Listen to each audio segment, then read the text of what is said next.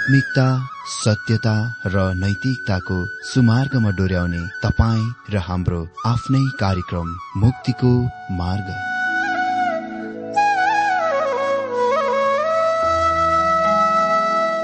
आदरणीय श्रोता यस मुक्तिको मार्ग कार्यक्रममा हार्दिक स्वागत छ। आशा छ यस आत्मिक कार्यक्रमद्वारा जीवनमा आत्मिक आशिष अलौकिक शान्ति र आनन्द प्राप्त गर्नुहुनेछ। र जीवनमा धन्य अनुभव गर्नुहुनेछ। आउनुहोस् श्रोता। मन र आत्माको तयारीको लागि यो मिठो अनि मधुर भजन गीत सुनौ।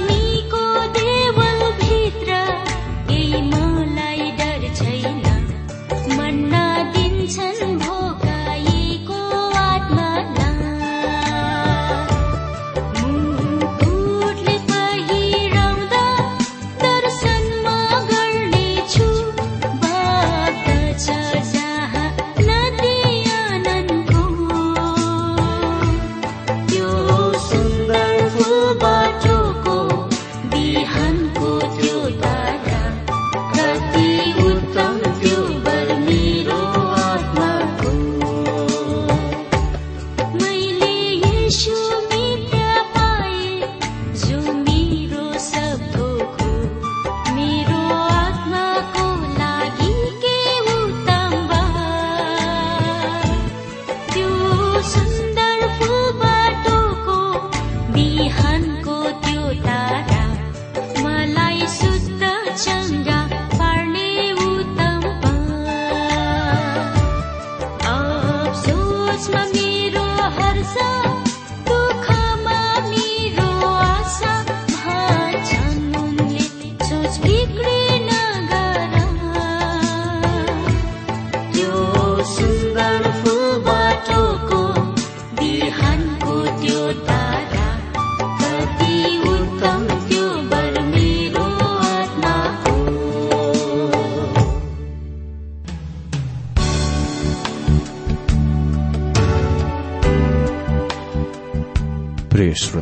यो प्रसारण मार्फत यो अवगत गराउन चाहन्छौ कि प्रभुको सेवाको लागि यहाँहरूको साझेदारी नित्यन्त आवश्यकता छ। यहाँहरूले प्रार्थनाको साथसाथै आर्थिक सहायता गर्न अनुरोध गर्दछौ। तपाईँहरूको सानो भन्दा सानो भेटी किन नहोस्? हामी प्रभुको नाममा स्वीकार गर्नेछौ। प्रभुको सेवाको लागि। तपाईँहरूको यो सानो लगानीले कसैको जीवनमा भिन्नता ल्याउँछ? अनि प्रभुको महिमा हुन्छ। प्रभु तपाईँहरूलाई महान गरी आशिष दिनुहुनेछ। इच्छुक श्रोताहरूले तपाईँको इच्छा भेटी हाम्रो ठेगानामा पठाउन सक्नुहुन्छ जुन ठेगाना हामी कार्यक्रमको अन्तमा दिनेछौ। प्रिय श्रोता मित्र प्रभु येशु ख्रिष्टको मधुर अनि सामर्थ्य नाममा मेरो जयमसी तथा हार्दिक स्वागत छ आजको यो बाइबल अध्ययन कार्यक्रममा। श्रोता पवित्र धर्मशास्त्र बाइबलको क्रमबद्ध र श्रृंखलाबद्ध अध्ययनको क्रममा केही दिनदेखि हामीले परमेश्वर प्रेम हुनुहुन्छ भन्ने मुख्य विषयबाट बाइबल अध्ययन गरिरहेका छौं। अनि हामीले यस मुख्य विषय अन्तर्गत दुई उपशाखा विषय देखिसकेका छौं। पहिलो युहन्ना दुई अध्यय तीनदेखि चौध पदमा कि कसरी प्रिय सन्तानहरूले एक आपससँग संगति गर्दछन् वा संगति राख्दछन्। अनि पहिलो युहन्ना दुई अध्यय पन्ध्रदेखि अठाइस पदमा प्रिय सन्तानहरूले संसारलाई प्रेम गर्नु हुँदैन र आजदेखि हामी तेस्रो उपशाखा विषय। पहिलो युहना दुई अध्यय उन्तिसदेखि लिएर चार अध्यायको एक्काइस पदसम्मबाट कसरी प्रिय सन्तानहरूले एक आपसमा प्रेम गर्न सक्छन् र एक साथमा रहन सक्छन् भन्ने विषयबाट बाइबल अध्ययन गर्न शुरू गरिरहेका छौं। र यस विषय अन्तर्गत हामी करिब आठ नौ दिन जति अध्ययन गर्नेछौ। आज हामी पहिलो युहना तीन अध्यय एकदेखि तीन पदमा बाइबल अध्ययन गर्नेछौ। र यहाँ देख्नेछौ कि आफ्ना सन्तानहरूको लागि परमेश्वर पिताको प्रेम। पहिलो युहना तीन अध्यय चारदेखि चौबिस पदमा क्रियामा विश्वासीहरूका दुई स्वभावहरू छन्। त्यो त्यहाँ हामी पाउँदछौ। अनि पहिलो युहना चार अध्यय एकदेखि छ पदमा झुट्टा शिक्षकहरूको विरूद्ध चेतावनी। अनि पहिलो युहना चार अध्यय सातदेखि एक्काइस पदमा परमेश्वर प्रेम हुनुहुन्छ र साना सन्तानहरूले एक आपसमा प्रेम गर्नुपर्छ। मित्र मैले सुरुमै भनिसकेको छु यस उपशाखा विषय कसरी प्रिय सन्तानहरूले एक आपसमा प्रेम गर्न सक्छन् र एकैसाथ रहन सक्छन् बाट आठ वा नौ दिन अध्ययन गर्न गइरहेका छौं। यस विषय अन्तर्गत हामी आज पहिलो युहान तीन अध्यय एकदेखि तीनसम्मबाट अध्ययन गर्नेछौ। आफ्ना सन्तानहरूको लागि पिता परमेश्वरको प्रेम। अमित्र पहिलो युहान दुई अध्यायको अन्तिम पद। वास्तवमा यहाँ पहिलो युहान तीन अध्याय एकदेखि तीन पदहरूको खण्डसँग सम्बन्धित छ वा यो खण्डको हो। पहिलो युहान दुई अध्याय उन्तिस पदमा लेखिएको छ उहाँ धार्मिक हुनुहुन्छ भन्ने कुरा। यदि तिमीहरूले जान्यौ भने यो कुरा तिमीहरूलाई निश्चय होस् कि धार्मिक काम गर्ने हरेक परमेश्वरबाट जन्मेको हुन्छ। मित्र हामी ख्रिस्टलाई जान्दछौ र हामी उहाँमा छौं भनेर साक्षी दिनु एउटा कुरा हो भने त्यस्तो प्रकारको जीवन जिउने कुरा वा जीवन हुने कुरा बिल्कुल अर्को कुरा हो जुनले प्रकट गर्दछ कि उहाँ हाम्रो धार्मिकता हुनुहुन्छ। यो स्थितीय रूपमा जान्नलाई अद्भुत कुरा हो कि हामी ख्रिस्टका हौ र हामीलाई प्रियमा ग्रहण गरिएको छ। तर यहाँ यस्तो प्रकारको जीवन हुने कुरा बिल्कुल अलग बेग्लै हो जुनले त्यस कुराको सिफारिस गर्दछ प्रमाणित गर्दछ।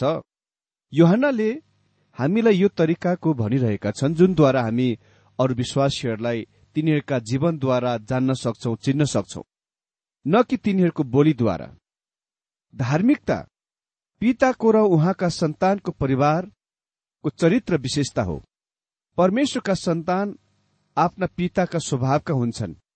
तिनीहरूसँग आफ्ना पिताको गुणहरू हुन्छ। पहिलो योहना तीन अध्यय एक पदमा यस प्रकार लेखिएको छ हेर पिताले हामीलाई कस्तो किसिमले प्रेम गर्नुभएको छ कि हामी परमेश्वरका सन्तान भनी कहलिएकाहरू हौ र साँच्चै हौ पनि। यसै कारणले त संसारले हामीलाई चिन्दैन किनभने त्यसले उहाँलाई चिनेन। यो अति नै अद्भुत कथन हो जुन युहन्नाले यहाँ बताउँछन्।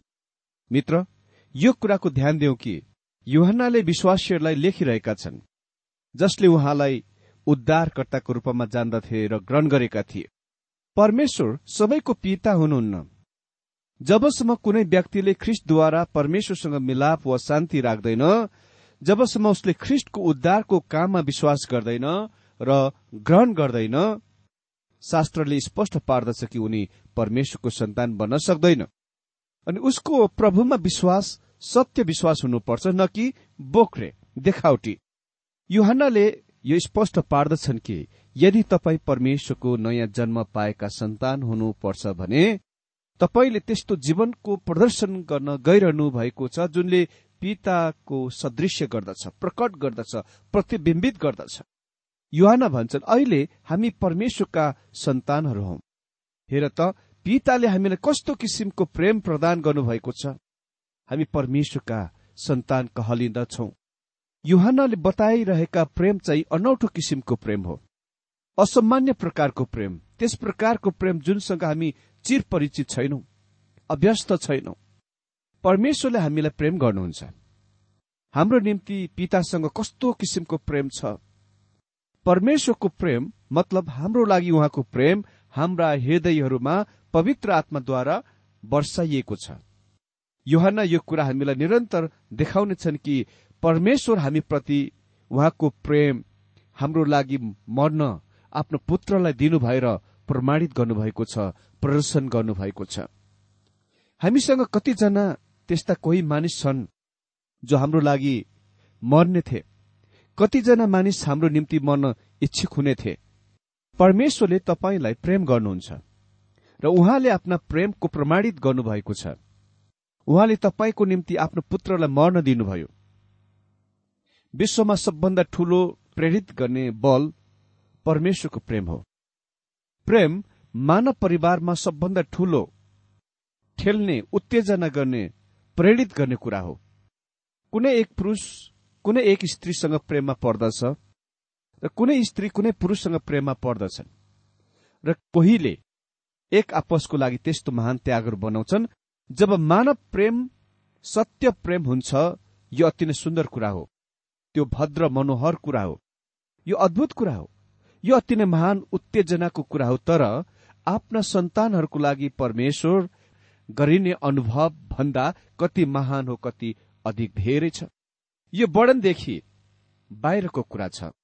परमेश्वरको सत्य सन्तानले परमेश्वरको वचनप्रति आज्ञाकारी हुने कुराद्वारा आफ्नो आत्मिक जन्मको प्रमाण गर्नेछ। हाम्रो लागि परमेश्वरको अद्भुत प्रेमले हामीलाई प्रेरित गर्नुपर्छ। यो नै त्यो कुरा हुनुपर्छ जुनले हामीलाई उहाँको लागि जिउन विवश गराउनुपर्छ। हेर त पिताले हामीलाई कस्तो किसिमको प्रेम कस्तो अनौठो किसिमको प्रेम प्रदान गर्नुभएको छ। हामी परमेश्वरका सन्तान कहलिँदछौ युहन्नाले यस कुरामा जोड़ दिन्छन् कि हामी बिल्कुल यसै बेला अहिले नै परमेश्वरका सन्तान हौ। यसले मलाई यो कुराको भर्न लगाउँछ कि हाम्रा उद्धार तीन कालहरूमा छन्। मैले उद्धार पाएको छु भूतकाल। म उद्धार पाउँदैछु वर्तमान काल र म उद्धार पाउनेछु भविष्यतकाल। पहिलो मैले उद्धार पाएको छु भूतकाल। प्रभु येशुले युहन्ना पाँच अध्ययको चौबिस पदमा भन्नुभयो साँचो साँचो म तिमीहरूलाई भन्दछु जसले मेरो वचन सुन्छ र मलाई पठाउने माथि विश्वास गर्दछ उसँग अनन्त जीवन छ र न्यायमा पर्ने छैन तर मृत्युबाट जीवनमा सरिसकेको हुन्छ। जुन क्षणमा तपाईँ ख्रिस्टलाई ग्रहण गर्नुहुन्छ तपाईँले अनन्त जीवनको प्राप्त गरिसक्नु भएको हुन्छ। तपाईँ नयाँ जन्म पाउनु भएको छ। परमेश्वरको परिवारमा जन्मनु भएको छ। योहनाले परमेश्वरका सन्तानहरूलाई सम्बोधन गरिरहेका छन्। उसले भन्छन् हेर त पिताले हामीलाई कस्तो किसिमको प्रेम प्रदान गर्नुभएको छ। किन? किनभने हामी उहाँका सन्तानहरू हौ। उहाँले आफ्ना प्रेम तिनीहरूलाई प्रदान गर्नुभएको छ।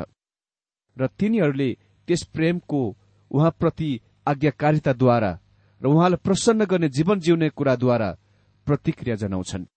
दोस्रो म उद्धार पाउँदैछु वर्तमान काल पाओले भने फिलिपी दुई अध्ययको बाह्र र तेह्र पदमा डराउँदै र कामदै आफ्नो आफ्नो मुक्तिको काममा पूरा गर किनकि तिमीहरू भित्र आफ्नो शुभ इच्छा अनुसार दुवै इच्छा गर्ने र काम गर्ने मन दिनुहुने परमेश्वर नै हुनुहुन्छ। पत्रुसले दोस्रो पत्रुस तीन अध्यायको अठार पदमा भने तर हाम्रा प्रभु र मुक्तिदाता येशु ख्रिष्टको अनुग्रह र ज्ञानमा बढ्दै जाऊ। युहानले हामीसँग उही लाइन उही कुराको यहाँ भनिरहेका छन्।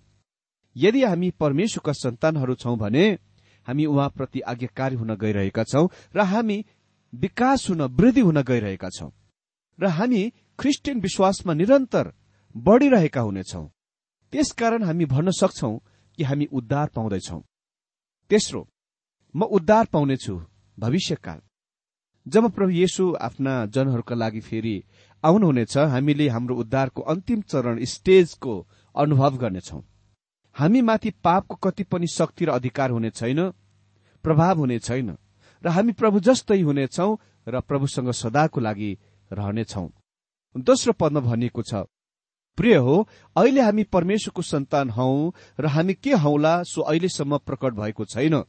यति जान्दछौ कि जब उहाँ प्रकट हुनुहुन्छ तब हामी उहाँ जस्तै हुनेछौ किनकि उहाँ जस्तो हुनुहुन्छ हामी उहाँलाई त्यस्तै देख्नेछौ।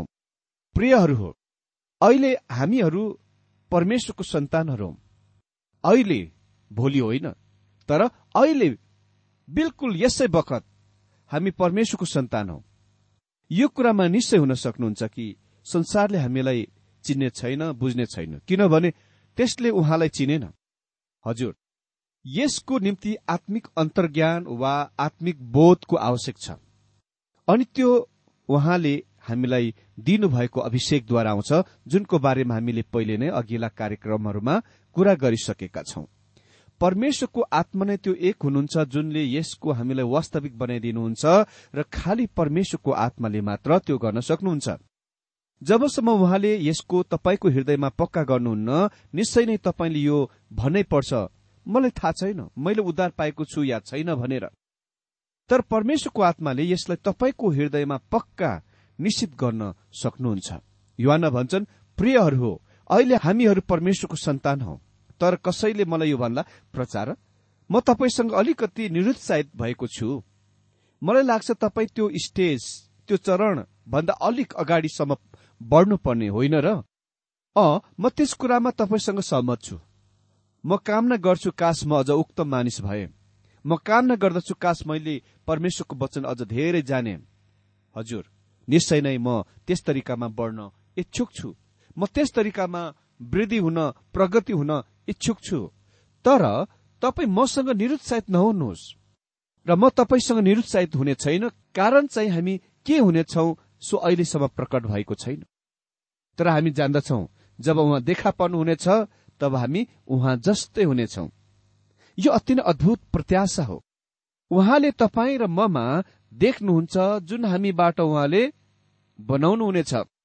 म धन्यवादी छु कि परमेश्वर मसँग आफ्नो व्यवहार गर्ने कामको अन्त गर्नुभएको छैन। यदि मैले सोचे उहाँ मसित आफ्नो व्यवहार गर्ने कामको अन्त गर्नुभयो म अति नै धेरै निरुत्साहित हुने थिएँ। तर उहाँले गर्नुपर्ने काम वा पूरा गर्नुपर्ने काम अझै छ। मैले मिसेल लेन्जेल भन्ने महान चित्रकार मूर्तिकाल कालीगढ़को बारेमा कथा सुनेको थिएँ। एउटा अति नै ठूलो सिंहमरमरको पत्थर उनी कहाँ ल्याइयो। र मिसेल लेजेलले गएर त्यसको वरिपरि फन्को मारे र त्यसमा राम्ररी निहालेर हेरे। अनि त्यसपछि उसले भने ओ यो कति सुन्दर। उसको एकजना सहायकले उसलाई भन्यो जो त्यस बेला त्यहाँ उभिरहेका थिए। र उसले भन्यो गुरुज्यू मैले त खालि यसलाई अति नै ठूलो सिंहमरमरको ढुङ्गा मात्र देख्छु बस। मिसेल लेन्जेलले भन्यो म जुन कुरा देख्छु सो कुरा तिमी देख्दैनौ। म त्यहाँ दाउदको मूर्तिको देख्छु। सहायकले फेरि हेरेर भन्यो अह म त्यस्तो कुनै कुरै देख्दिन। मिसाइल लेन्जलले भन्यो त्यो कुरा खालि अहिले मेरो मनमा मेरो दिमागमा छ र तर त्यो कुराको म यस सङ्गमर्मरको ढुङ्गाको तुलनामा रूपान्तरण गर्न गइरहेको छु। अनि त्यही नै उसले गरे। परमेश्वर भन्नुहुन्छ हामी के हुनेछौ सो अहिलेसम्म प्रकट भएको छैन। उहाँले देख्नुहुन्छ कि एक दिन हामीबाट कुन कुरा बनाउन गइरहनु भएको छ। हामी निरुत्साहित हुन्छौ जब हामी आज जस्तो छौं त्यसमा एक आपसमा हेर्छौं भने। तर परमेश्वर हामीलाई देख्नुहुन्छ जब उहाँ एक दिन प्रकट हुनुहुनेछ हामी के हुनेछौ वा हामी उहाँ जस्तै हुनेछौ। सो कुरा उहाँ जान्नुहुन्छ। ओ यो हाम्रो लागि कस्तो महिमित प्रत्याशाको कुरा छ। भनिएको छ तब हामी उहाँ जस्तै हुनेछौ किनकि हामी उहाँलाई उहाँ जस्तो हुनुहुन्छ त्यस्तै देख्नेछौ। हामी महिमित ख्रिस्टलाई देख्न गइरहेका छौं। हामी उहाँसँग बराबरीको हुन गइरहेका छैनौं तर हामी हाम्रो आफ्नो तरिकामा उहाँ जस्तै हुन गइरहेका छौं। यसको मतलब यो होइन हामी सबै सानो रोबोट वा खालि सानो नक्कल प्रतिलिपि हुन गइरहेका छैनौं। हामी उहाँ जस्तै हुन गइरहेका छौं तर हाम्रा आफ्नै व्यक्तित्वहरूसँग हाम्रा आफ्नै स्वयं निजी व्यक्तित्वसँग। उहाँले कहिले पनि यो फुच्चे प्रचारकको व्यक्तिको नष्ट गर्नुहुन्न। अनि यो तपाईँको निम्ति पनि सत्य छ तर उहाँले तपाईँलाई पूर्ण सिद्ध परिपक्वतामा ल्याउन गइरहनु भएको छ। त्यस्तो रूप त्यस्तो बनावटमा जहाँ तपाईँ उहाँ जस्तै हुनुहुनेछ बिल्कुल उहाँ जस्तै एकै नासको बिल्कुल उही होइन तर उहाँ जस्तै। स्वर्गीयमा यो अति नै अद्भुत कुरा हुन गइरहेको छ कि हामी हरेकलाई प्रत्येकलाई प्रेम गर्नेछौ। म त्यसको बारेमा अति नै धेरै अति नै धेरै खुसी छु। तर मेरो निम्ति स्वर्गीयको बारेमा सबभन्दा अद्भुत कुरा यो हो कि प्रत्येकले मलाई प्रेम गर्न गइरहेका छन्। त्यो नै दिनको म प्रतीक्षा गरिरहेको छु। दुई पदमा भनिएको छ प्रिय हो अहिले हामी परमेश्वरको सन्तान हौ र हामी के हौला सो अहिलेसम्म प्रकट भएको छैन? यति जान्दछौ कि जब उहाँ प्रकट हुनुहुन्छ तब हामी उहाँ जस्तै हुनेछौ किनकि उहाँ जस्तो हुनुहुन्छ हामी उहाँलाई त्यस्तै देख्नेछौ। त्यसपछि तीन पदमा लेखेको छ अनि जस्तो उहाँ पवित्र हुनुहुन्छ उहाँमाथि यो आशा राख्ने हरेक मानिसले आफूलाई पवित्र पार्छ। पवित्र पार्छ यदि तपाईँ विश्वास गर्नुहुन्छ कि येसु आइरहनु भएको छ र कुनै दिन तपाईँ उहाँ जस्तै हुन गइरहनु भएको छ यसले तपाईँलाई शुद्ध पवित्र जीवन जिउनलाई बाध्य गराउँछ उत्प्रेरित गराउँदछ। हामी खालि अहिले मात्र अद्भुत होइनौ तर हामी कुनै दिन अद्भुत हुनेछौ। मित्र त्यहाँ कुनै त्यस्तो कुरा छैन जुनले बाइबल भविष्यवाणीको अध्ययनले जस्तो पवित्र जीवन यापनको उत्साह गर्दछ। आज हामी धेरै अति नै लापरवाहको जीवन जिउँछौ तर उही समयमा भविष्यवाणीमा अति नै धेरै जोड़ दिन्छौ। त्यसको बारेमा धेरै उत्साहित हुन्छौ। मैले मानिसहरूले यो भनेको सुनेको छु ओ म त प्रभुको आगमनको बडो उत्साहपूर्वक प्रतीक्षा गरिरहेको छु। अमित्र मेरो प्रश्न यो होइन तपाईँ प्रभुको आगमनको बडो उत्सुकतापूर्वक प्रतीक्षा गरिरहनु भएको छ या छैन तर यहाँ तपाईँ आफ्नो जीवनको कसरी जिरहनु भएको छ त? के तपाईँ त्यस प्रकारको जीवन जिरहनु भएको छ जुनले यो कुराको तय गर्दछ कि वास्तवमा तपाईँ प्रभुको आगमनको लागि उत्सुकतापूर्वक प्रतीक्षा गरिरहनु भएको छ? हामीले कुनै दिन हाम्रा लक्ष्यहरूको पूरा गर्न गइरहेका छौं। तपाईँ र म रहन गइरहेको नयाँ यरुसलेम त्यो स्थान हुनेछ जहाँ उहाँले हाम्रा सबै आँखाबाट आँसुहरू पुस्नुहुनेछ। त्यहाँ कुनै दुःख शोक निराश कष्ट हुने छैन। त्यो सबै कुरा अद्भुत कुरा हुन गइरहेका छन्। तर सबभन्दा अद्भुत कुरा यो छ जुन प्रकाश एक्काइस अध्ययको पाँच पदले भन्छ हेर म सबै कुरा नयाँ बनाउनेछु। त्यो नै कुराको म अति नै धेरै मन पराउँछु। मलाई तपाईँको बारेमा थाहा छैन तर म आफ्नो स्वयंको बारेमा मात्र यो कुरा भन्न सक्छु। तर म यो स्पष्ट रूपमा स्वीकार गर्दछु। म कहिले पनि त्यस्तो व्यक्ति बन्न सकेको छैन जस्तो कि म आफ्नो हृदयभित्रबाट बन्न वा हुन चाहन्थे। म अति उत्तम सर्वोत्तम व्यक्ति सर्वोत्तम प्रचारक सर्वोत्तम पति सर्वोत्तम पिता सर्वोत्तम मित्र सर्वोत्तम विश्वासी बन्न चाहन्छु। तर कुनै न कुनै क्षेत्रमा म असफल छु। म लड्छु गिर्छु।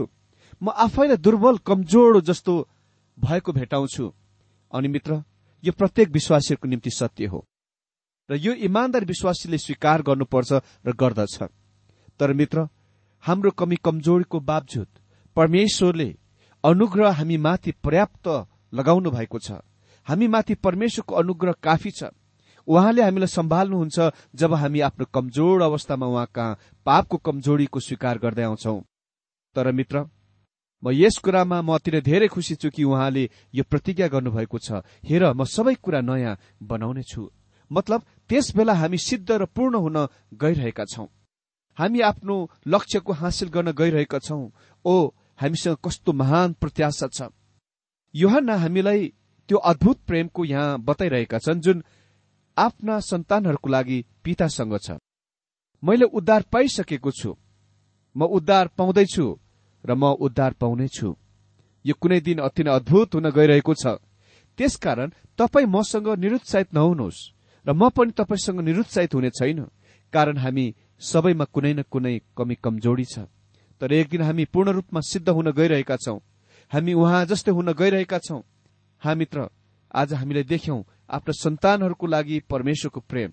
अर्को दिनमा हामी देख्नेछौ क्रियाहरूमा विश्वासीहरूका दुई स्वभावहरू। परमेश्वर आजको यो बाइबल अध्ययनद्वारा हरेकलाई धेरै धेरै आशिष दिनुभएको होस्।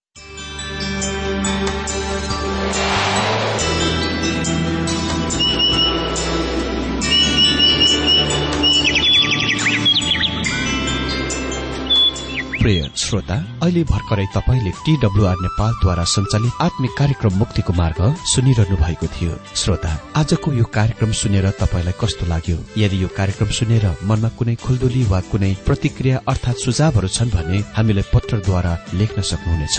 हामी हृदयदेखि नै स्वागत गर्नेछौ स्वीकार गर्नेछौ साथै बाइबल सम्बन्धित प्रचारहरू कार्यक्रम सारणीहरू हामी अनुरोधमा पठाउन सक्छौ। अनि तपाईँसँग कुनै प्रार्थनाको विषय छन् भने हामीले तपाईँको लागि प्रार्थना गरेको चाहनुहुन्छ। भने प्रभुमा आफ्नै परिवार सम्झेर हामीलाई पत्रमा लेख्न सक्नुहुनेछ। तपाईँको लागि हामी प्रभु येशुसँग प्रार्थना गर्नेछौ। अधिक जानकारी र पत्रचारको लागि हाम्रो ठेगाना यस प्रकार छ। कार्यक्रम मुक्तिको मार्ग जीपीओ नम्बर उनानब्बे पचहत्तर इपिसी पच्चिस एकसठी काठमाडौँ। ठेगाना एकपल्ट सुन्नुहोला। कार्यक्रम मुक्तिको मार्ग जीपीओ नम्बर उनानब्बे पचहत्तर इपिसी पच्चिस एकसठी काठमाडौँ। हाम्रो इमेल एड्रेस हो T W R Nepal at Yahoo dot com. साथै यस नम्बरमा एसएमएस गर्न सक्नुहुनेछ। अन्ठानब्बे चार सत्तरी पैतिस छ सय उनासी नौ आठ चार सात जिरो तीन पाँच छ सात नौ। हुन्छ श्रोता आजलाई हामी बिदा चाहन्छौ। अर्को कार्यक्रममा हामी पुनः भेट्नेछौ तबसम्मलाई नमस्कार।